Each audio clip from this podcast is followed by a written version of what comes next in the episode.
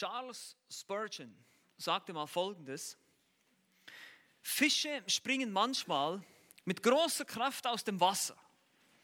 Aber es wäre töricht zu Schlussfolgern, dass diese Fische deshalb das flüssige Nass sozusagen für immer verlassen haben, dass sie vielleicht plötzlich gar keine Fische mehr sind. Kurz danach schwimmen sie nämlich wieder im Wasser. Nun, vielleicht war das eine Fliege, die sie hat aus dem Wasser springen lassen. Vielleicht war es irgendwas anderes, eine Laune. Aber das Wasser ist immer noch ihr Zuhause. Nun, wenn wir lang gewohnte Sünder einen plötzlichen Sprung Richtung Religion sehen, machen sehen, dann bedeutet das nicht unbedingt oder allzu schnell sollten wir nicht annehmen, dass es sich hier um wahre Bekehrte handelt. Vielleicht haben sie, wurden sie durch unrechten Gewinn betört oder plötzliche Aufregung wühlt sie auf, Emotionen. Aber wenn das so ist, sind sie bald wieder in ihren alten Sünden zurück, so wie der Fisch wieder im Wasser ist. Lasst uns hoffen, aber nicht zu schnell vertrauen. Zitat Ende. Und das, was Spurgeon sagt, das ist auch für heute wahr. Wir leben in einer Zeit der Unverbindlichkeit. Wir leben in einer Zeit nicht nur gesellschaftlich der Unverbindlichkeit und Unzuverlässigkeit, das erleben wir in der Arbeitswelt, aber auch in der Gemeindewelt. Es ist schwer, Menschen zu finden, die treu sind. Sei das an einer Arbeitsstelle oder auch in der Gemeinde. Warum ist das so? Nun, man sucht heute die Selbsterfüllung, die Freiheit, die Selbstbestimmung. Jeder will individuell selber bestimmen über sein Leben. Der Individualismus herrscht. Und Leute sind schnell begeistert von neuen Trends. Sie springen auf diesen Zug auf und auf den nächsten Zug auf. Aber genauso schnell wie der Trend kommt, geht er auch wieder. Genauso schnell wie die Begeisterung kam, geht sie auch wieder. Sie wollen etwas christlich sein. Sie sagen, ja, ich bin auch christlich. Oder ich bin auch Christ. Oder ich bin auch sogar Mitglied in einer Kirche oder einer Gemeinde. Ich bin auch etwas gläubig. Das könnte man nur etwas gläubig sein. Entweder bist du ganz gläubig oder gar nicht. Und sie sind schnell begeistert, aber sie fallen schnell wieder ab. Es gibt auch solche, die diesen Zustand über längere Zeit haben wollen. Ja, sozusagen mit einem Bein im Himmel, mit dem anderen Bein in der Hölle stehen. So ein bisschen das Beste von beiden Welten, mit einem Bein in der Gemeinde, mit dem anderen Bein in der Welt. Man will das Beste von beiden Welten genießen. Sie sind oft abwesend von Gemeindezusammenkünften, Hauskreisen oder anderen Veranstaltungen, weil sie sich vielleicht verstecken wollen, weil sie nicht erkannt werden wollen. Sie nennen sich vielleicht sogar Mitglieder, wollen dabei sein, aber doch nicht irgendwie dabei sein. Sie wollen mitmachen, aber doch nicht mitmachen.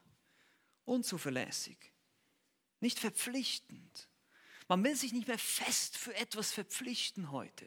Abmacht in einer Gruppe, man will sich irgendwo treffen. Jeder sagt dann noch im letzten Moment mit seiner WhatsApp-Message ab und ja, ich komme jetzt doch nicht und ich mache jetzt das nicht. Und es ist keine Verbindlichkeit mehr da. Nun, es ist schwierig, Leute zu finden, die sich verbindlich schafft, aber es ist umso problematischer, wenn das in die Gemeinde kommt. Meine Lieben, wenn dieses Denken in die Gemeinde kommt, dann haben wir ein Riesenproblem. Weil wisst ihr, Christus, Christus wollte keine unverbindlichen Jünger. Er wollte keine Jünger mit einem befristeten Arbeitsvertrag. Das wollte er nicht. Er wollte hingegebene Jünger. Solche, die ihm ganz hingegeben sind. Die ganz für seine Sache sterben. Die alles geben. Und nicht die nur so halbwegs da und mal wieder nicht da und mal sind sie dabei, mal sind sie nicht dabei. Christus will, dass wir uns hingeben und eben auch in seiner Gemeinde. Christus baut seine Gemeinde. Christen sind keine Kirchgänger, die jeden Sonntag aufkreuzen, so wie U-Boote. Ihr kennt das Beispiel, man taucht dann wieder ab, man weiß wieder nicht, wo sie sind, was sie machen, wie sie leben, keiner kennt sie. Einfach weg. Dann tauchen sie plötzlich wieder auf. Und sie haben auch irgendwelche Ausreden. Ja, das ist auch immer so schön zu hören. Ja, ich bin halt krank gewesen. Und es gibt Kranke unter uns, ich weiß das. Es gibt solche, die wirklich krank sind. Oder ja, ich hatte Kopfschmerzen oder ich war müde. Aber dann trifft man dieselben Leute plötzlich im, im Spaziergang, auf dem, irgendwo im Park oder man sieht sie, wie sie gehen arbeiten. Da fehlen sie komischerweise nie.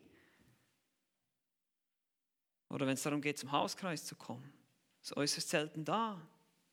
Meine Lieben, wir haben jetzt dieses Jahr, feiern wir 500 Jahre Reformation. Ja, die Reformation hat Großes hervorgebracht. Vor 500 Jahren nagelte Martin Luther seine 95 Thesen an die Tür der Wittenberger Schlosskirche, ein monumentales Ereignis. Es gab eine Reformation, die Wahrheit des Evangeliums wurde wieder entdeckt. Errettung aus Glauben allein. Die Schrift allein ist Autorität, die Verdorbenheit des Menschen, all diese Wahrheiten. Aber in der sogenannten Ekklesiologie, und diejenigen, die heute Morgen dabei waren, wissen jetzt, was das ist, das ist der Teil der systematischen Theologie, der sich mit der Gemeinde beschäftigt. Wenn es um die Gemeinde geht, hat die Reformation noch nicht ganz, ist noch nicht ganz so durchgedrungen. Es gab immer noch Kirche und institutionalisierte Kirche, Organisation, Kirchgänger. Ja, und wir brauchen in Deutschland auch ein Umdenken, nicht nur was die Lehre der Rettung des Evangeliums, sondern was die Rolle der Gemeinde betrifft. Die Gemeinde ist nämlich nicht ein Gebäude. Das ist nicht unbedingt eine Organisation. Es geht nicht darum, dass wir einfach möglichst viele Leute in einen Raum bringen, sondern die Gemeinde besteht aus Menschen. Wir sind einzelne Bausteine der Gemeinde. Wir sind Glieder an einem Leib, so wird es verglichen in der Schrift. Jeder von uns, du, du, jeder von uns ist gefragt, mitzuarbeiten. Und wenn du deinen Job nicht erledigst, dann bist du wie ein kleiner Zeh oder ein Finger, der nicht richtig funktioniert. Und ich weiß, es gibt jemanden unter uns, der schmerzhafte Erfahrung hat mit einem kleinen Zeh. Aber das ist genau das. Wenn ein Glied nicht funktioniert, dann hat das Einfluss auf andere. Das ist genau das, wie unser Körper auch funktioniert. Und so werden wir verglichen. Es geht nicht nur darum, dass wir Kirchgänger sind und oberflächlich Gemeinde spielen. Und deshalb brauchen wir hier auch ein Umdenken, wenn es um die Gemeinde geht, um die Rolle der Gemeinde, vor allem die lokale Gemeinde. Sie ist die Versammlung der Heiligen, wird sie genannt in Epheser 1.1.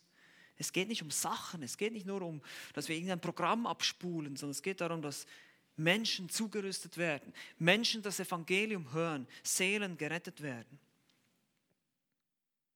Gott hat der Gemeinde Hirten, Lehrer gegeben, in Epheser Kapitel 4, Vers 11 bis 12 um sie zu belehren, um sie zu leiten. Und er hat dich und andere berufen, einander zu lieben. Wir sind alle berufen, das zu tun. Das ist nicht eine One-Man-Show. Das ist nicht einfach nur der Pastor, der den ganzen Laden schmeißt oder die Pastoren, die Ältesten. Das sind wir alle. Wir alle sind berufen, einander zu lieben, einander zu ermahnen, einander anzuspornen. Das macht Hebräer 10, Vers 24 deutlich. Und deshalb ist Verbindlichkeit so äußerst wichtig in der Gemeinde. Verbindlichkeit. Es gibt keinen Einzelkämpfer, keinen, ich sage immer, einen Rambo-Christen, ja, so einen Einzelkämpfer, so einen Einzelrebell. Das gibt es nicht. Wir können nicht versuchen, einzeln unser christliches Leben zu führen, isoliert von der Gemeinde. Das wird nicht gut kommen. In Hebräer 10, Vers 25 heißt es, indem wir unsere eigene Versammlung, was? Nicht verlassen wie es einige zu tun pflegen, sondern einander ermahnen und das umso mehr, als ihr den Tag heran anseht. Wenn du als Mitglied Gemeindeveranstaltungen versäumst, nicht verbindlich bist, dann schneidest du dir ins eigene Fleisch. Ja, du lebst sogar in Sünde. Und das ist uns manchmal nicht so bewusst. Es ist Ungehorsam. Es ist ein direkter Ungehorsam gegenüber Hebräer 10, 25. Wenn ich ein unverbindliches, ständig abwesendes Gemeindeglied bin, dann bin ich ungehorsam. Ein direkter Verstoß. Christentum, meine Lieben, ist ein Teamsport. Es ist kein Einzelkampf. Wir müssen zusammenarbeiten. Und wenn wir zusammenarbeiten wollen, müssen wir uns versammeln. Wir müssen zusammenkommen. Sonst können wir nicht zusammenarbeiten. Ist logisch eigentlich, aber für einige scheint das eben nicht logisch zu sein. Und ich sage das nicht, um euch eine Schlinge um den Hals zu werfen, wie es Paulus ausgedrückt hat in 1. Korinther 7,13 oder 7,35. Ich sage euch das nicht, um euch einfach unter Druck zu setzen, ja, komm jetzt und mach jetzt und so, sondern ich sage uns, ich sage uns allen das, ich sage dir das, weil ich mich um dich sorge. Weil ich, mich, weil ich mir Sorgen mache, manche. Das ist so. Ich mache mir Sorgen, wenn jemand, wenn man das Gefühl hat, jemand kommt nicht gerne zur Gemeinde oder zum Hauskreis. Es zieht ihn nicht dahin, es zieht ihn nicht unter das Wort. oder in die Gemeinschaft der Heiligen, ins Gebet, ins gemeinsame Gebet mit anderen. Und vielleicht würden sich bei dir in deinem persönlichen Leben auch einige Probleme lösen, wenn du öfters Gemeinschaft hättest in der Gemeinde. Ich kenne das. Es gibt Sünden, es gibt hartnäckige Ängste, es gibt Eheprobleme, es gibt Schwierigkeiten, vieles mehr. Jeder Einzelne hier in diesem Raum hat irgendwelche Dinge, mit denen er kämpft. Das ist ganz normal. Ich brauche das nicht mir aus dem Finger zu sagen. Ich kenne das aus meinem eigenen Leben. Wir alle kämpfen mit der Sünde. Die Gemeinde ist ein riesiges Krankenhaus voller Menschen, die mit ihrer Sünde kämpfen. Manche mehr, manche weniger. Es betrifft alle. Und vielleicht bist du ein treues Gemeindemitglied. Vielleicht bist du jemand, der immer hier ist, der treu die Veranstaltungen besucht. Da möchte ich dich ermutigen, das weiter zu tun. Dann ist das heute, was wir heute anschauen, hoffentlich eine Ermutigung und eine Bestätigung für dich, weiterzumachen und treu zu sein. Selbst wenn es links und rechts neben dir Leute gibt und du denkst, was ist eigentlich mit dem los? Das ist nicht das Problem. Wir müssen nicht auf andere schauen. Was andere machen, ist in erster Linie mal ihr Problem. Was ich mache, das ist mein Problem. Darauf muss ich mich konzentrieren. In erster Linie spricht Gott durch sein Wort hier zu mir.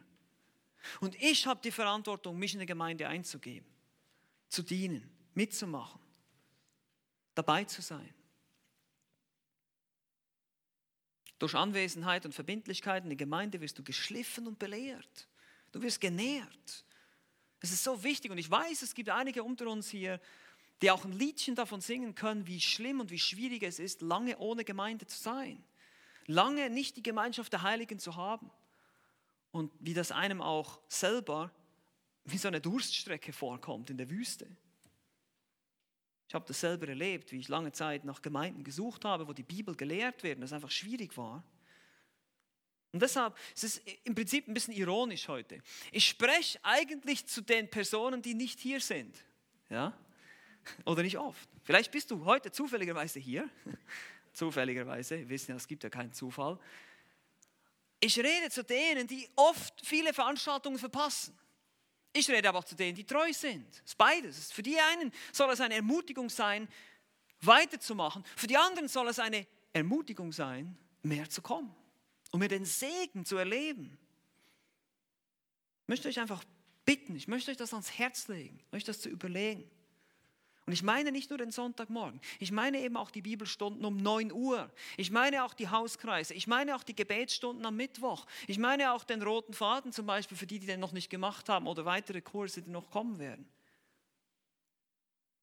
Warum? Als Pastoren, als Älteste sind wir besorgt um dich. Wir sagen das nicht, weil wir dich irgendwie unter Druck setzen, sondern weil wir denken, das wäre so gut für dich. Das würde dir so weiterhelfen. Vielleicht gerade mit einem Problem, mit dem du gerade kämpfst. Dann verpasst du diese Predigt, verpasst du diese Lehrstunde. Und das hätte dir vielleicht weitergeholfen, hast es wieder verpasst. Und dann kommst du in die Seelsorge und erwartest von uns, dass wir dir irgendwie einen himmlischen Sepp verpassen. Eine Instant-Heiligkeit. Das geht nicht. Wir müssen ausdauernd sein und immer wieder unter die Wahrheiten der Schrift kommen. Wir sind besorgt, weil wie Paulus dieses Ziel hat. In Kolosser 1,28 heißt es, ihn verkündigen wir, indem wir jeden Menschen ermahnen und jeden Menschen lehren in aller Weisheit, um jeden Menschen vollkommen in Christus Jesus darzustellen. Ich möchte, dass Christus in euch Gestalt gewinnt. Das ist unser Ziel. Das ist auch nicht nur mein Ziel, sondern das Ziel von Sam und auch von Dieter, von den Ältesten der Gemeinde. Dass ihr in Christus Ähnlichkeit wachsen könnt. Es geht mir nicht darum, dass du nur hier bist, um den Sitz zu wärmen um den Raum zu füllen. Darum geht es nicht. Es geht um dein geistliches Wohl. Es geht um das, was wir hier tun. Das hat geistliche Dimension, das hat Auswirkungen auf dein Leben. Das ist enorm wichtig. Das sollte die oberste Priorität haben in deinem Leben. Wenn du wirklich Christ bist, wenn du das wirklich ernst nimmst, was hier steht in der Bibel, dann sollte die Gemeinde die oberste Priorität in deinem Leben sein. Man sollte dahin ziehen, was eine gute Gemeinde gibt. Nicht dahin, wo es einen guten Job gibt. Da, wo es eine gute Gemeinde gibt, zieht man hin. Da, wo es eine Gemeinde gibt, die das Wort Gottes predigt, das macht man zur Priorität in seinem Leben. Das streicht man dick an im Kalender. Da gibt es kein Wenn und Aber. Und selbst wenn wir in die Gemeinde kriechen müssen, kommen wir. Das ist dieser Eifer, den wir brauchen, meine Lieben. So wie der Mann, der sich in einem Bett durchs Dach runterlassen runterließ, um Jesus zu sehen. Oder Zachäus, der auf einen Baum gestiegen ist, um Jesus zu sehen. Diesen Eifer sollen wir haben. Und wenn das nicht der Fall ist bei dir, dann möchte ich dich einfach bitten, dich zu prüfen. Meistens, ich habe schon Menschen erlebt, die, mir an, die mich angerufen haben und gesagt haben, ja, ich habe nicht von hier jetzt, auch von außerhalb, ich habe so viele Probleme und Eheprobleme und so, kannst du mit mir Seelsorge machen? Und dann frage ich als erstes immer, wo gehst du in die Gemeinde und wer ist dein Pastor? Und dann kommt Stille. Und dann sage ich, kein Wunder hast du Probleme. Du lebst im Ungehorsam. Du bist in keiner Gemeinde verbindlich dabei. Du hast keinen Pastor, der sich um dich kümmert. Was denkst du, was ich jetzt machen soll hier? Ein Wunder vollbringen? Nein, so geht das nicht. Es wundert mich nicht. Ich möchte hier eine gewagte Aussage machen. Eine gewagte Aussage. Seelsorge ist eigentlich unnötig. Ist eigentlich unnötig. Und bevor er jetzt die Steine holt. Ähm, und Sam ist auch nicht da, ich wollte schon sagen, bevor Sam die Steine holt. Ähm, was ich damit meine ist, wenn jeder von uns sehr aufmerksam zuhört und in jedem Punkt das macht, was die Bibel sagt, immer dabei ist, bei jeder Predigt, bei, meine Güte, wir haben irgendwie 300, 400 Predigten auf dem Internet. Wenn du das alles gelernt hast und verstanden hast und wirklich umsetzt in deinem Leben, bräuchten wir eigentlich keine Seelsorge. Das Problem ist, wir brauchen natürlich Seelsorge, weil wir Sünder sind, weil wir nicht vollkommen sind. Und deshalb braucht es das. Wir sündigen, wir fallen, wir hören manchmal nicht zu, wir sind nicht immer so wach, wie wir sein sollten. Und deshalb gibt es persönliche Probleme, die wir dann haben, die wir vielleicht nicht verstehen, wo wir spezifische Anweisungen brauchen. Und das ist eigentlich das, was die Seelsorge ist. Es ist spezifische Jüngerschaft. Wir haben ein spezifisches Problem und wir wenden biblische Prinzipien auf dieses Problem an. Was ich damit sagen will, ist, unabhängig von einem Gemeindekontext bringt Seelsorge gar nichts. Das ist nicht irgendwie so was Magisches, so was tiefenpsychologisches, was wir dann mit euch machen, wenn ihr in die Seelsorge kommt. Das ist nicht das, worum es geht, weil das, was ihr hier am Sonntagmorgen vermittelt bekommt von der Kanzel, ist genau dasselbe wie das, was ihr in einer Seelsorgesitzung hören werdet. Das Wort Gottes, nichts anderes. Es ist systematische Theologie, die ihr hören werdet in der Seelsorge. Nichts anderes. Und wenn ihr was anderes hört, dann müssen wir tatsächlich die Steine holen. Dann ist was nicht gut hier. Das müssen wir verstehen. Es gibt nicht irgendwie so einen magischen Trick oder irgendwie so ein mystisches Ding, ja, Seelsorge und dann lege ich mich auf die Couch und dann kommt der Seelsorge. Das ist Psychologie. Das machen wir nicht. Wir nehmen biblische Prinzipien und wir lehren euch diese biblischen Prinzipien. Und es ist eure Verantwortung, diese biblischen Prinzipien in eurem Leben umzusetzen. Wir alle haben den Heiligen Geist. Du hast den Heiligen Geist. Du hast die Waffenrüstung Gottes. Du musst sie anziehen und damit gehen. Das ist doch nicht meine Verantwortung. Das kann ich doch nicht für dich tun. Das muss jeder von uns selber tun. Mit der Hilfe des Geistes. Du hast die Gnade, du hast alles, was du brauchst. 2. Petrus 1,3 kannst du nachlesen. Alles, was wir brauchen zur Gottseligkeit, ist da. Die Liebe Gottes wurde ausgegossen, haben wir gerade gelesen, Römer 5, Vers 5, ist da. Es ist alles da. Nimm es und brauch es. Und das ist, wenn wir Seelsorge, wir können nichts anderes tun als das. Ich kann einfach sagen, guck, die Bibel sagt das, da ist deine Sünde oder da ist dein Problem das ist das, was du tun musst. Nichts anderes. Müssen wir verstehen. Aber diese Jüngerschaft, diese Seelsorge, die ist eben allumfassend, die ist nicht nur auf diese spezifischen Momente beschränkt, wo man sich trifft zur Seelsorge, sondern das geschieht ständig in der Gemeinde. Im Gemeindeleben, das ist wie so durchwoben durch den Gemeindekontext. Jüngerschaft geschieht überall, wo wir geistliche Gespräche miteinander führen, wo wir einander anrufen, wo wir einander ermutigen, wo wir einander Fragen stellen, wo wir sagen, hey, wie geht's dir, was machst du und so weiter wo wir vielleicht einander Dinge erklären, wo Fragen geklärt werden. Das ist Jüngerschaft. Jüngerschaft ist präventive Seelsorge. Damit es nicht gar nicht so weit kommt, dass du in die Seelsorge musst, weil du schon belehrt worden bist, weil du so ein stabiles Fundament hast. Deshalb unterrichten wir im Moment systematische Theologie in der ersten Stunde. Für diejenigen, die nicht kommen, bitte komm. Warum bist du nicht da? Warum hörst du das nicht? Oder hörst du wenigstens hinterher an auf dem Livestream oder auf dem MP3? meine ich, nicht Livestream. MP3. Wir müssen uns darum tun. Und all das geschieht, diese Jüngerschaft, ist ja nicht nur das Wissen, das vermittelt wird, es ist ja auch das einander dienen, einander lieben. Vielleicht sogar das aneinander reiben manchmal. Ja? Das, da, da, dadurch wachsen wir alle geistlich. Das ist geistliches Wachstum, das kann nicht anders geschehen. Aber wie gesagt, wenn du ein unverbindliches Gemeindeglied bist, dann verpasst du das. Verpasst einen Riesensegen. Und wenn du da bist, dann kannst du jetzt sehen, was du alles nicht verpasst, womit du allem gesegnet bist. Das ist eigentlich im Prinzip das Thema, was man als Dauergast so alles verpasst. Ja? Was man als Dauergast, ihr wisst, die Bibel kennt keinen Dauergast. Ja, diese Leute, die einfach sagen, ja, wir wollen nur Gäste sein, wir wollen mal hier, mal da in die Gemeinde. Das gibt es nicht in der Bibel. Das habe ich, dazu könnt ihr euch andere Predigten, habe ich zwei Predigten gehalten über die Mitgliedschaft in der Gemeinde, auch der Zweck der Gemeinde. Das könnt ihr euch da anhören. Es gibt biblische Gründe, warum wir denken, dass es eine verbindliche Mitgliedschaft zu einer lokalen Gemeinde braucht oder lehrt. Ich habe das schon den lieben Geschwistern der Mitgliedschaftsklasse erklärt. Die, ihr müsst euch die Gemeinde wie ein Kohlenfeuer vorstellen. Und ihr seid, solange ihr in dem Kohlenfeuer drin seid, seid ihr warm und heiß und ihr brennt für den Herrn. Ihr habt Eifer, ihr habt. Aber sobald man diese eine Kohle rausnimmt und irgendwo in die Ecke stellt, was geschieht? Sie kühlt ab. Sie wird kalt. Lau. Keine Motivation, kein Eifer, kein, kein Mut. Ausgebrannt.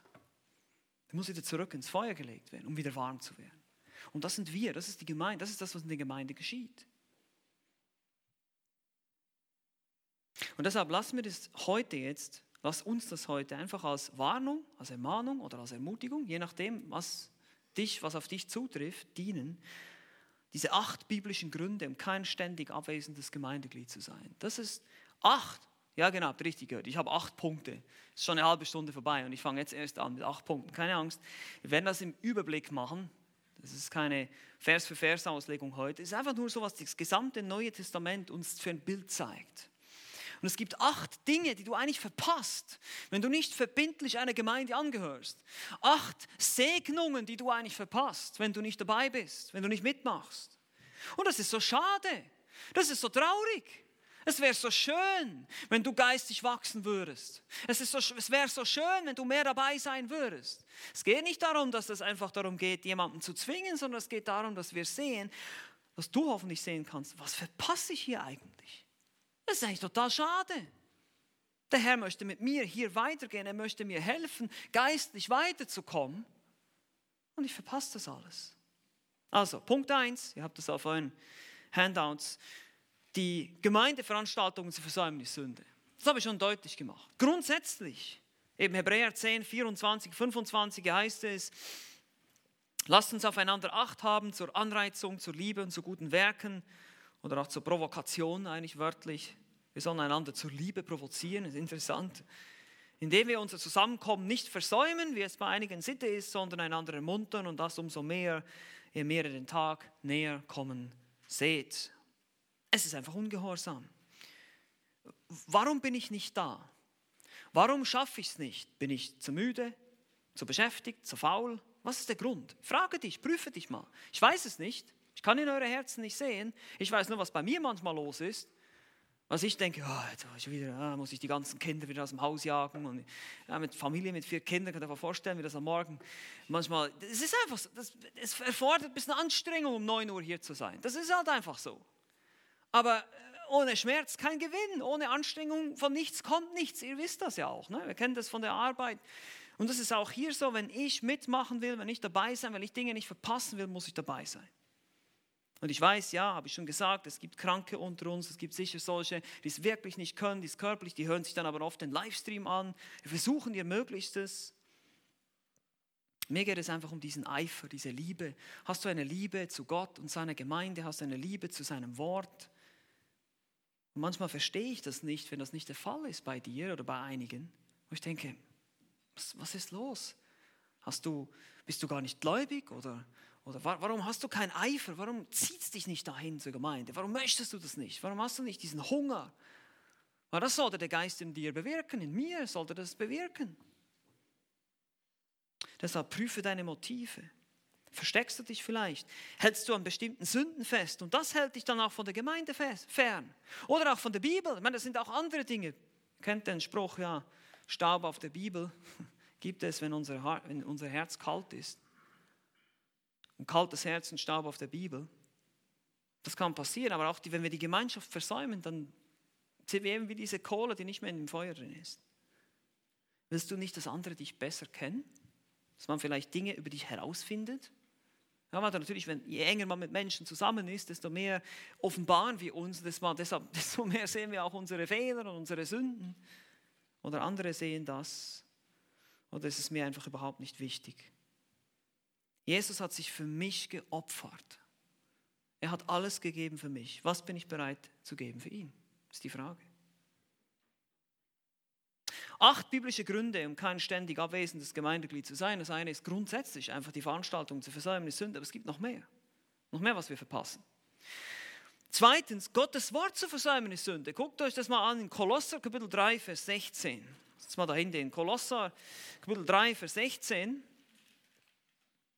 Da heißt es folgendes, da gibt auch Paulus eine Anweisung an die Gemeinde, was sie tun sollen. Kolosser 3, Vers 16, lasst das Wort des Christus reichlich in euch wohnen, indem ihr in aller Weisheit euch gegenseitig lehrt und ermahnt mit Psalmen, Lobliedern, geistlichen Liedern, Gott singend in eurem Herzen in Gnade. Es ist auch falsch, Gottes Wort zu verpassen. Und du magst jetzt vielleicht sagen, ja, ich lese zu Hause meine Bibel. Ja, das ist gut, das ist super. Aber es geht hier auch um das gepredigte, um das verkündigte Wort Gottes, um die gesunde Lehre, die du durch gesunde, treue Hirten bekommst. Menschen, die dazu berufen wurden, das Wort Gottes zu verkündigen. Das Wort Gottes ist einerseits das Mittel, das uns errettet, macht uns zum Beispiel Jakobus 1.18 deutlich, dass wir nach seinem Willen hat er uns durch das Wort der Wahrheit gezeugt, heißt es da in Jakobus 1.18. Oder auch in Römer 10, 17 heißt es, also ist der Glaube aus der Verkündigung, die Verkündigung durch Gottes Wort. Wir kommen dadurch zum Glauben, aber das ist nicht alles. Das verkündigte Wort Gottes ist auch das Mittel, durch das wir geheiligt werden, durch das wir überführt werden. Das heißt im Psalm 119, Vers 11, in meinem Herzen habe ich dein Wort bewahrt, damit ich nicht gegen dich sündige. Hier geht es nicht um Rettung, hier geht es um Heiligung. Das Wort Gottes, wenn ich hierher komme am Sonntagmorgen oder wenn wir im Hauskreis uns treffen oder wenn wir und das Wort Gottes öffnen und die Verkündigung des Wortes höre, hat das einen heiligenden Einfluss auf mich. Und das verpassen wir. Wir brauchen Anleitung, wir brauchen Belehrung, wir brauchen Hilfe im richtigen Verständnis der Bibel. Und wie gesagt, deshalb hat Gott der Gemeinde Hirten gegeben, die das tun.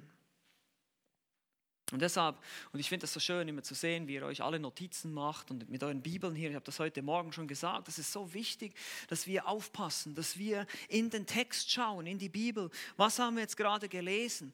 Äh, mir die Punkte aufschreiben, die der Prediger nennt. Und dann vielleicht auch mir Gedanken machen, okay, wie kann ich das nächste Woche umsetzen? Mach das konkret. Versuch irgendwas Konkretes zu tun von dem, was du hörst, hier am Sonntag oder am Freitag oder am Mittwoch oder wann immer wir uns sehen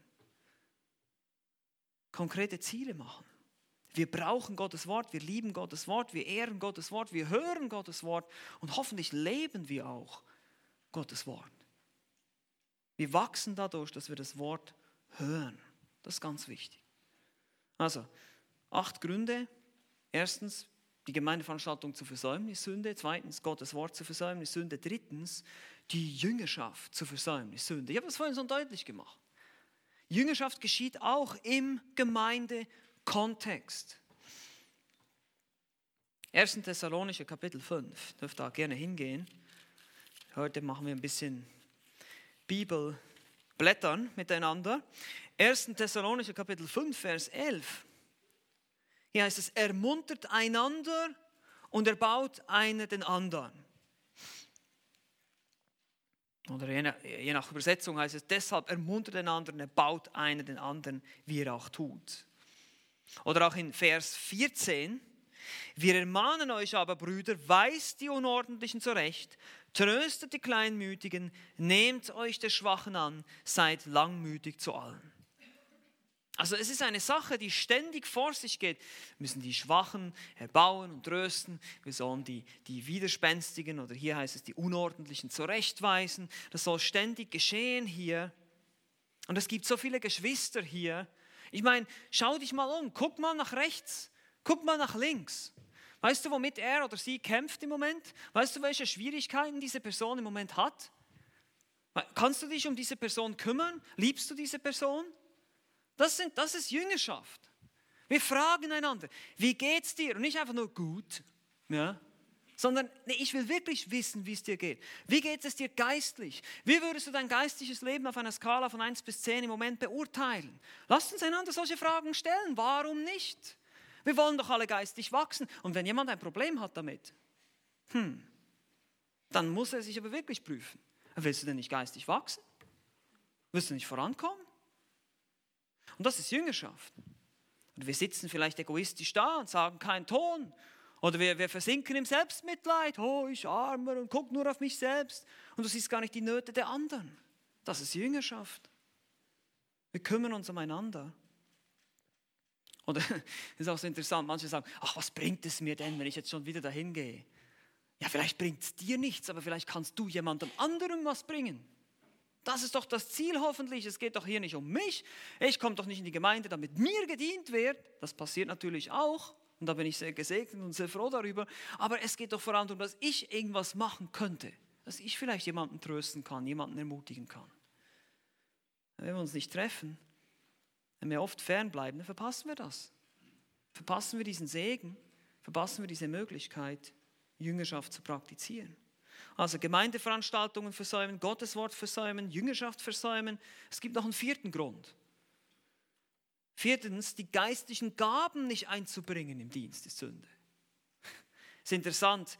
1. Korinther 12, Verse 7 bis 8 heißt es, einem jeden aber wird die Offenbarung des Geistes zum Nutzen gegeben. Denn dem einen wird durch den Geist das Wort der Weisheit gegeben, dem anderen aber das Wort der Erkenntnis nach demselben Geist. Oder auch in 1. Petrus Kapitel 4, Vers 11 heißt es, wenn jemand redet, so rede er als aus Aussprüche Gottes. Wenn jemand dient, so sei es aus der Kraft, die Gott darreicht, damit in allem Gott verherrlicht werde. Wir wollen jetzt nicht anfangen, darüber zu diskutieren, welche Gaben es noch gibt. Und ihr wisst, es gibt bestimmte Gaben, die, die es nicht mehr gibt, die aufgehört haben. Dazu kommen wir dann noch, wenn wir in 1. Korinther 12 ankommen, irgendwann mal. Aber es geht vor allem darum zu sehen, dass Gott Gaben gegeben hat. Dass jeder von uns eine bestimmte, einen bestimmten Mix aus natürlichen und auch geistlichen Gaben hat, die er einbringen soll. Und wir müssen verstehen, dass Gott uns diese Gaben nicht gegeben hat zum Selbstzweck, damit wir uns selber dienen damit. Damit wir uns selber groß fühlen. Und das war das Problem der Korinther, nur so nebenbei bemerkt. Die Korinther haben sich aufgebläht mit ihren Gaben. Ja, sie haben diese Show abgezogen. Schau mal, wie ich Sprachen reden kann, wie ich Zungen reden kann. Oh, ich bin so toll, wie ich, prophet, wie ich prophetisch reden kann. Und Paulus sagt, hört auf damit. Ihr habt diese Gaben zum Nutzen der Gemeinde, zur Erbauung der Gemeinde bekommen, nicht für euch selbst, nicht um euch selbst damit zu profilieren. Und so ist es auch heute. Vielleicht reden wir nicht mehr in Sprachen, diese Gabe hat aufgehört, aber es gibt andere Gaben. Vielleicht gibt es natürliche Talente, die du hast. Musiker, Handwerker, Leute, die schreiben, helfen, putzen und so weiter. Natürliche Fähigkeiten, die Gott uns gegeben hat die du vielleicht in eine Karriere steckst oder irgendwo anders und für die Gemeinde bleibt nichts mehr übrig. Und die geistlichen Gaben, zum Beispiel evangelistisch sein, Glauben, Geben, das sind geistliche Gaben, die kannst du gar nicht einbringen, außer hier in der Gemeinde. Draußen in der Welt nützen die dir nichts und für dich selbst sind sie auch nicht. Du kannst nur in der Gemeinde die geistlichen Gaben einbringen und dienen. Es gibt Redegaben, es gibt Dienstgaben, wir sehen das in 1. Petrus 4,11. Also das ist auch ein Grund. Geistliche Gaben, du musst nicht irgendwie auf ein Gabenseminar gehen und da versuchen, deine Gaben zu entdecken. Du musst einfach in der Gemeinde dienen. Und dann wirst du sehen, was, wie Gott dich zurüstet zu deinem Dienst und was er dir, auf, was er, was er dir für, für ähm, Möglichkeiten gibt und Gelegenheiten zu dienen. Also, die Gemeindeveranstaltung versäumen, Gottes Wort versäumen, Jüngerschaft versäumen, geistliche Gaben nicht einbringen Fünftens, das Evangelium zu vernachlässigen ist Sünde. Es ist auch das Evangelium vernachlässigen. Man, man denkt manchmal gar nicht daran. Aber lass uns mal 1. Korinther nochmal aufschlagen, Kapitel 15. In 1. Korinther Kapitel 15 heißt es in Vers 1, ich tue euch aber kund, Brüder, das Evangelium, das ich euch verkündigt habe, das ihr auch angenommen habt, in dem ihr auch steht. Nun, das Evangelium, das ist die gute Nachricht von Jesus Christus. Obwohl er Gott ist, Mensch wurde, hier auf diese Erde kam der am Kreuz für unsere Sünden starb, damit Vergebung für unsere Sünde ausgesprochen werden kann. Wenn ich mich im Glauben an ihn wende, wenn ich auf das vertraue, nicht auf meine eigenen Werke oder guten Taten vertraue oder dass ich das Gesetz Gottes irgendwie halten könnte, sondern alleine auf das Werk Jesu Christi vertraue, dann kann ich und werde ich gerettet werden dann bekomme ich ewiges Leben.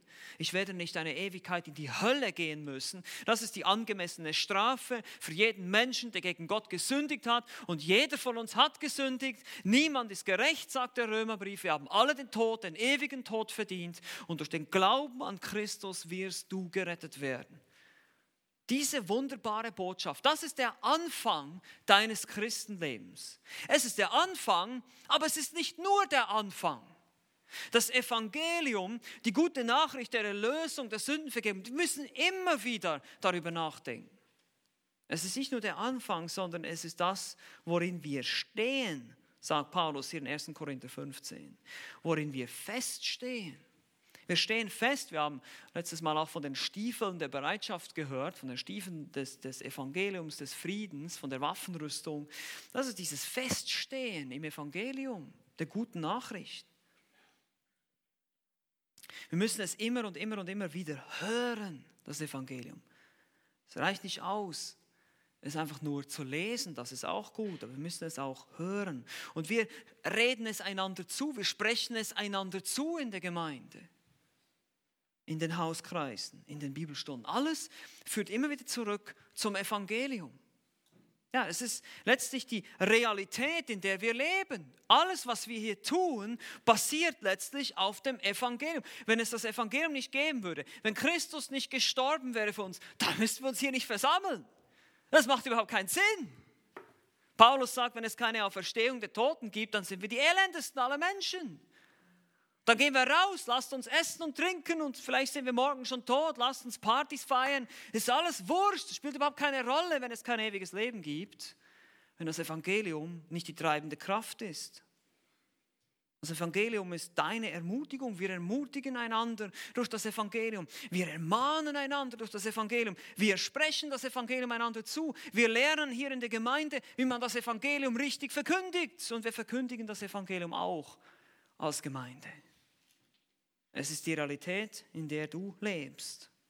Und die ganze Schrift zeugt davon. Das Evangelium beginnt in 1. Mose. Das Evangelium beginnt am Anfang, schuf Gott. Dann kommt der Sündenfall. Dann kommt die Verheißung des Erlösers. Und dann geht es weiter und weiter durch die ganze Schrift bis zum Ende, bis in die Offenbarung. Es ist überall das Evangelium, die gute Nachricht der Erlösung. Gott erbarmt sich über seine Schöpfung. Gott erlöst den Menschen. Das ist das wunderbare, große Thema, über das wir immer und immer wieder nachdenken. Und das tun wir in der Gemeinde. Weil die Gemeinde ist das Ergebnis. Gott oder Jesus baut seine Gemeinde durch die Verkündigung des Evangeliums. Und deshalb verpasst du in einer gewissen Art und Weise das Evangelium, wenn du nicht verbindlich eine Gemeinde angehörst. Acht biblische Gründe, Gemeindeversammlungen versäumen, Gottes Wort versäumen, Jüngerschaft versäumen, geistliche Gaben nicht einbringen, Evangelium vernachlässigen. Sechstens, die Ordnungen zu versäumen, ist Sünde. Die Ordnungen. Guckt euch mal, wir bleiben noch ein bisschen im Korintherbrief hier. 1. Korinther Kapitel 11. 1. Korinther Kapitel 11 in Vers 20. Hier heißt es, wenn ihr nun an einem Ort zusammenkommt, es geht hier um die Versammlung. Und dann heißt es weiter unten, es geht dann hier um die Kritik, weil sie das Abendmahl nicht richtig eingenommen haben. Das, diesen Text kennt ihr alle, wir lesen den oft auch. Aber dann in Vers 26 heißt es, denn so oft ihr dieses Brot esst und den Kelch trinkt, verkündigt ihr den Tod des Herrn, bis er kommt. Ihr kommt zusammen, um dieses Mahl zu feiern. Das ist nicht etwas, was wir alleine zu Hause machen, dass ich mir ein bisschen Brot, ein bisschen Wein hinstelle und dann für mich selbst das Abendmahl feiere, sondern das tun wir in der Gemeinde. Das ist die Art und Weise, wie wir das tun sollen. Es ist ein Gemeinschaftsmahl. Und die Symbolik, das Brot, das wir alle teilhaben, das Brot ist wie der Leib. Wir haben alle Teil an diesem Leib.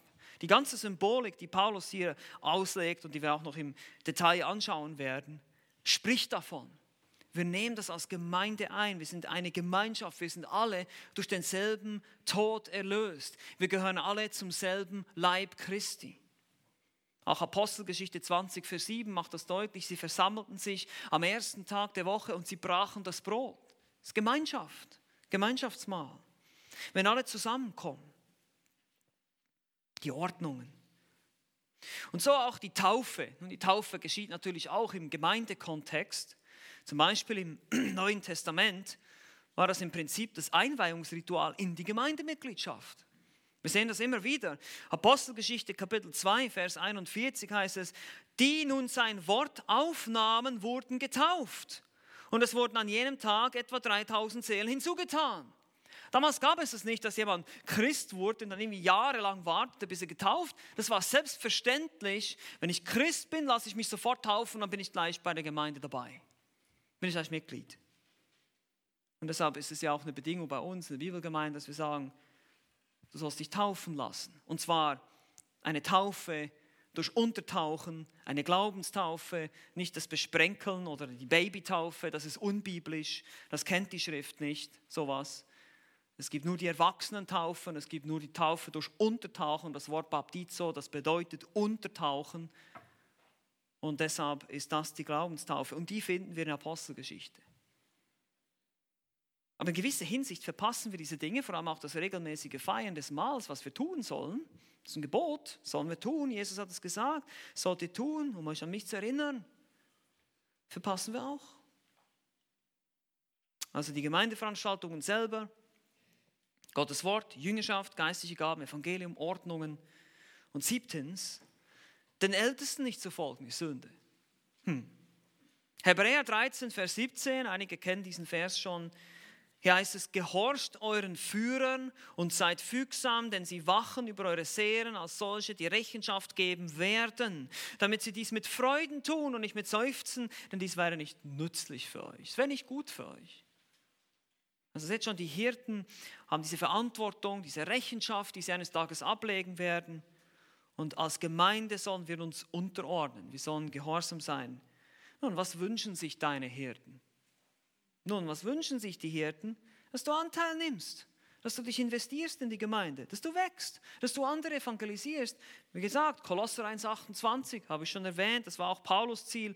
Oder 3. Johannes Vers 4, ich habe keine größere Freude als diese, dass meine Kinder in der Wahrheit wandeln, sagt Johannes. Es gibt nichts, was einen Hirten, einen Ältesten, eine Gemeinde mehr Freude bereit, als zu sehen, dass die Leute die Wahrheit tun. Das ist wunderschön, das ist wunderbar. Aber das ist unsere Berufung, das ist der Grund, warum wir hier sind. Das ist der Grund, warum Gott uns diesen, dieses Amt gegeben hat, damit wir euch zurüsten und euch dienen und euch helfen, in der Wahrheit zu wandeln. Und deshalb freut uns das, wenn wir das sehen. Und das sehen wir auch. Und das freut uns auch. Das ist wichtig. Wenn du aber öfters fehlst und nicht treu bist, was zeigst du damit? Das interessiert mich nicht. Vielleicht sogar, ich respektiere es nicht. Ist mir einfach egal. Ich weiß nicht, was, das, was, ich weiß nicht was, was dich antreibt, aber das können verschiedene Gründe sein. Und die Frage ist, wo ist unser Respekt? Wo ist unsere Liebe? Zu den Menschen, zu den Männern, die Rechenschaft geben werden über meine Seele, die eines Tages vor Gott stehen werden und sich darum bemühen, dir zu helfen, das Wort Gottes besser zu verstehen und zu wachsen und Christus ähnlicher zu werden. Wo ist deine Liebe? Warum fügst du dich nicht dem Wunsch der Ältesten? Das ist die Frage, die man sich stellen muss, wenn man diese Dinge verpasst. Ich glaube, es gibt keinen Pastor, der sich nicht wünscht, dass seine Schafe kommen. Jesus sagt auch, meine Schafe hören meine Stimme, sie folgen mir nach. Ein Pastor ist ein Hirte. Er wünscht sich nicht mehr, als dass die Schafe hören und tun. Weil er weiß, es ist gut für sie. Das ist das, was sie brauchen. Das ist die Nahrung, die sie brauchen, dass sie sich dass sie wachsen können und stark werden. Versteht ihr das? Es macht uns eigentlich traurig, wenn wir das sehen. Es macht mich traurig manchmal. Und ich denke bei gewissen Leuten, was ist da bloß los? So schade. Und klar, dann beten wir viel und wir gehen ins Gebet, aber man macht sich ja trotzdem irgendwie Sorgen. Man will sich ja um die Leute kümmern. Es ist ja nicht einfach egal. Hat er das Evangelium überhaupt nicht verstanden? Was ist los? Warum, warum, warum zieht sie nicht dahin? Warum möchte nicht das Wort hören? Warum? Man fängt dann an, so nachzudenken. Und das ist wichtig, dass wir das verstehen. Also nochmal, wir haben acht biblische Gründe hier. Wir haben Gemeindeveranstaltungen zu versäumen, ist Sünde, Gottes Wort zu versäumen, Jüngerschaft zu versäumen, geistige Gaben, Evangelium, die Ordnungen zu versäumen, die Ältesten, den Ältesten nicht zu folgen und schließlich achtens, und das ist, denke ich, ganz wichtig, die Gemeinde zu vernachlässigen bedeutet, deinen Herrn zu verachten. Ich glaube, das muss uns wirklich bewusst sein. Wem die Gemeinde nicht wichtig ist, dem ist der Herr nicht wichtig. Weil Jesus hat gesagt, ich will meine Gemeinde bauen. Matthäus 16, 18. Ich werde meine Gemeinde bauen. Die Gemeinde ist seine Braut. Stell das mal vor. Ich meine, die Braut, das ist das, die engste Beziehung. Verheiratet zu sein, deine Menschen ist die engste Beziehung, die man sich vorstellen kann auf dieser Erde hier. Es ist sein Leib. Die Gemeinde ist sein Leib, sein Plan, sein Design, sein Augapfel sozusagen. Und durch die Gemeinde treibt er, der Herr Jesus, sein Programm hier auf Erden voran. Sie ist die einzige Institution, von der er sagte, er würde sie bauen. Kein Missionswerk, keine Bibelschule, hat er gesagt, wird er bauen. Kein Waisenheim. Ja, ich weiß, diese Dinge sind auch nützlich. Aber er hat gesagt, die Gemeinde werde ich bauen. Die Gemeinde. Und wie sieht es damals damit aus bei mir? Wenn mir die Gemeinde egal ist, ist mir mein Herr egal. Das ist ein wichtiger Zusammenhang, den wir vielleicht nicht so schnell. Deshalb diese Idee, ja, ich lebe mein Christsein für mich. Na, ich bin einfach so Christ, ich muss mich nicht einer Gemeinde anschließen. Das ist Unsinn. Das geht gar nicht. Du kannst nicht sagen, du liebst deinen Herrn und du willst dich keiner Gemeinde anschließen. Du kannst es nicht machen. Weil Jesus gesagt hat, ich werde durch meine Gemeinde hier das Programm auf Erden vorantreiben. Und das sehen wir ganz deutlich in der Apostelgeschichte, das sehen wir ganz deutlich, wie sich die ersten Christen versammelten, auch in den Briefen. Es geht immer um Gemeindebau und durch die Gemeinde wird evangelisiert. Die Gemeinde ist die Missionsstation und die Gemeinde ist das Trainingszentrum. Es geht immer in der Gemeinde. Und deshalb lasst uns einfach aufwachen, diejenigen, die müssen, und anpacken und mir überlegen, wo kann ich das verbessern? Wie kann ich jetzt konkret, jetzt eben kommt dieser Moment, wo du denkst, okay, was mache ich jetzt konkret nächste Woche? Was kann ich jetzt anders machen? Wie kann ich das in meinen Prioritäten? Und ich weiß, viele von uns, einige haben ganz beschäftigte Terminkalender und alles ist voll und ich verstehe das alles, das weiß ich, das ist nicht einfach. Aber Jesus hat nicht gesagt, dass es einfach wird. Hat uns nicht gesagt, dass es ein Spaziergang wird in dieser Welt. Und deshalb muss ich mich hinterfragen und sagen, okay, gebe ich wirklich alles? Und es ist manchmal sogar noch viel frustrierender, wenn ich mich investiere und andere vielleicht überhaupt nicht links und rechts neben mir. Das kann sein, es kann sehr frustrierend sein. Aber du tust es ja nicht wegen anderen, du tust es ja wegen dem Herrn. Kolosser 3,23, ich diene von Herzen dem Herrn und nicht den Menschen. Weil jeder wird am Ende vor dem Richterstuhl erscheinen, jeder von uns. einzeln. Das haben wir gesehen. 1. Korinther 3, 2. Korinther 5. Und wenn du Hilfe brauchst, wenn du nicht weißt, ja, was soll ich jetzt damit, wie soll ich denn das machen oder was kann ich mich denn einbringen, dann melde dich, kein Problem. Es gibt immer was zu tun. Und es gibt immer Dinge, über die wir froh sind. Und das ist einfach wichtig, dass wir gemeinsam, dass wir dieses Verständnis haben, dass wir gemeinsam an diesem Werk dienen. Es ist, eine, es ist ein Teamsport, wie ich schon sage. Es ist ein gemeinsames Ding. Wir, wir, wir brauchen einander. Wir können es nicht alleine. Und es braucht auch dich, auch wenn du vielleicht denkst, ah, mich kann doch keiner brauchen, schau mich an. Doch, der Herr hat dich berufen, sonst hätte er dich nicht berufen. Und der Herr, was, hat, was, was sagt 1. Korinther? Das Törichte der Welt. Ich gratuliere dir, danke, willkommen im Club. Wir kommen in den Club der Nullen und Nichtsen. Das sind wir. Aber das ist das, was Gott benutzen will. Er verherrlicht sich dadurch, dass er uns unfähige Menschen benutzt. Das ist gerade das Schöne daran. Das ist gerade das Wunderbare. Paulus hat auch gesagt, in den Schwachen ist Gott mächtig, nicht in den Starken. Wir müssen uns das bewusst werden.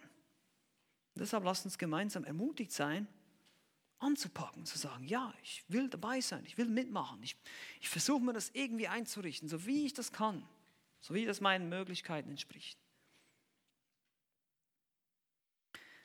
Es wird die Geschichte erzählt von einem jungen Kommunisten, der seine Beziehung zu seiner amerikanischen Freundin, die christlich war, abgebrochen hat. Also er ist Kommunist, eine christliche Freundin. Wahrscheinlich war das auch nicht so eine wirklich konsequente christliche Freundin, weiß man nicht. Aber er hat das getan aufgrund seiner kommunistischen Überzeugungen. Hat einfach gemerkt, das passt nicht zusammen. Eigentlich hätte das von ihr kommen sollen, aber. Und er soll dann einen Brief geschrieben haben und dieser Brief soll dann an Billy Graham gegangen sein und er hat ihn veröffentlicht. Und ich möchte euch diesen Brief vorlesen. Zitat. Wir Kommunisten haben eine hohe Sterberate. Wir sind diejenigen, die erschossen, gehängt, verspottet und von unseren Jobs gefeuert werden und das Leben uns so unangenehm wie möglich gemacht wird. Eine bestimmte Prozentzahl von uns wird getötet oder ins Gefängnis geworfen. Wir leben in Armut. Wir müssen jeden Cent an die Partei zurückgeben, der mehr ist als nur das absolut Notwendigste, was wir zum Leben brauchen. Wir Kommunisten haben nicht die Zeit oder das Geld für viele Filme, Konzerte oder T-Bone Steaks, schöne Häuser oder neue Autos. Wir werden als Fanatiker bezeichnet. Wir sind Fanatiker. Unsere Leben werden von einem einzigen, alles überschattenden Faktor bestimmt, der Kampf um den Weltkommunismus. Wir haben eine Philosophie des Lebens, welche durch keinen Geldbetrag gekauft werden kann. Wir haben einen Grund zum Kämpfen, ein klares Ziel im Leben. Unsere belanglosen Persönlichkeiten, unsere Ichs ordnen wir einer großartigen Bewegung unter. Und wenn unser persönliches Leben uns manchmal hart erscheint und unsere Egos durch die Unterordnung unter die Partei zu leiden scheinen, dann werden wir ausreichend durch den Gedanken getröstet, dass jeder von uns in einer kleinen Art und Weise zu etwas Neuem, Wahren und Besseren für die Menschheit beiträgt. Es gibt nur eine einzige Sache, die mir persönlich ernsthaft wichtig ist. Es ist die Angelegenheit des Kommunismus. Es ist mein Leben, mein Geschäft, meine Religion, mein Hobby, mein Liebling, meine Ehefrau, meine Geliebte, mein Brot und mein Fleisch. Ich arbeite dafür am Tag und träume davon bei Nacht. Sein Griff nach mir wächst, lässt nicht nach mit der Zeit. Deshalb kann ich auch keine Freundschaft pflegen, eine Liebesaffäre haben oder einfach nur ein einfaches Gespräch, ohne mich auf diese Kraft zu beziehen, die beides tut, mein Leben treibt und anleitet. Ich beurteile Menschen, Blicke, Ideen und auch Handlungen an dem, wie sie sich auf die Angelegenheit des Kommunismus auswirken werden und auch welche Einstellung sie zu dieser Sache haben. Ich bin wegen meinen Idealen schon im Gefängnis gewesen und wenn nötig, bin ich bereit dafür, auch vor ein Erschießungskommando zu treten. Zitat Ende. Was für eine Hingabe. Was für eine Verpflichtung. Alles zu geben. Alles zu geben. Für was? Für eine gottlose Philosophie? Für den Kommunismus?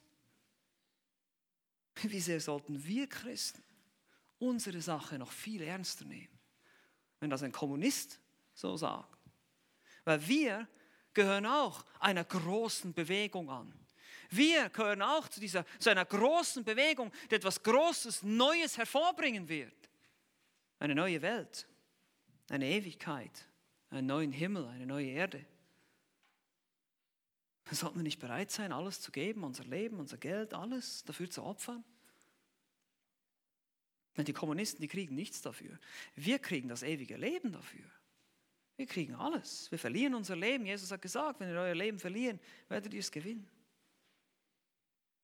Wenn das kein Grund ist, ebenfalls sich in die Gemeinde zu investieren, dann weiß ich auch nicht, was wir noch für einen Grund brauchen. Lasst uns beten.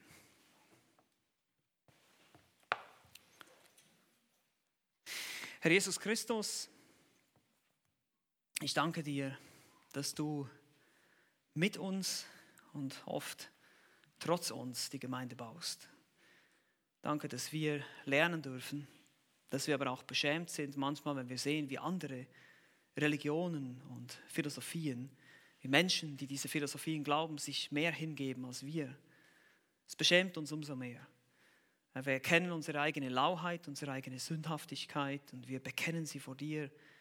Wir bitten dich, dass du uns hilfst, dass du eine Erweckung schenkst, aber nicht eine Erweckung, dass einfach Menschen zum Glauben kommen, das wünschen wir uns natürlich auch, aber in erster Linie eine Erweckung in unseren Herzen, dass wir neu für dich eifern, neu für dich brennen, für das Evangelium, für diese Wahrheit, dass wir keine Menschenfurcht haben, wenn wir das Evangelium verkündigen, dass wir nicht uns durch unsere Müdigkeit oder unsere Faulheit oder Trägheit abhalten lassen, auch die Gemeindeveranstaltungen zu besuchen, zugerüstet zu werden, dein Wort zu hören, zu evangelisieren, ermutigt zu werden, getröstet zu werden.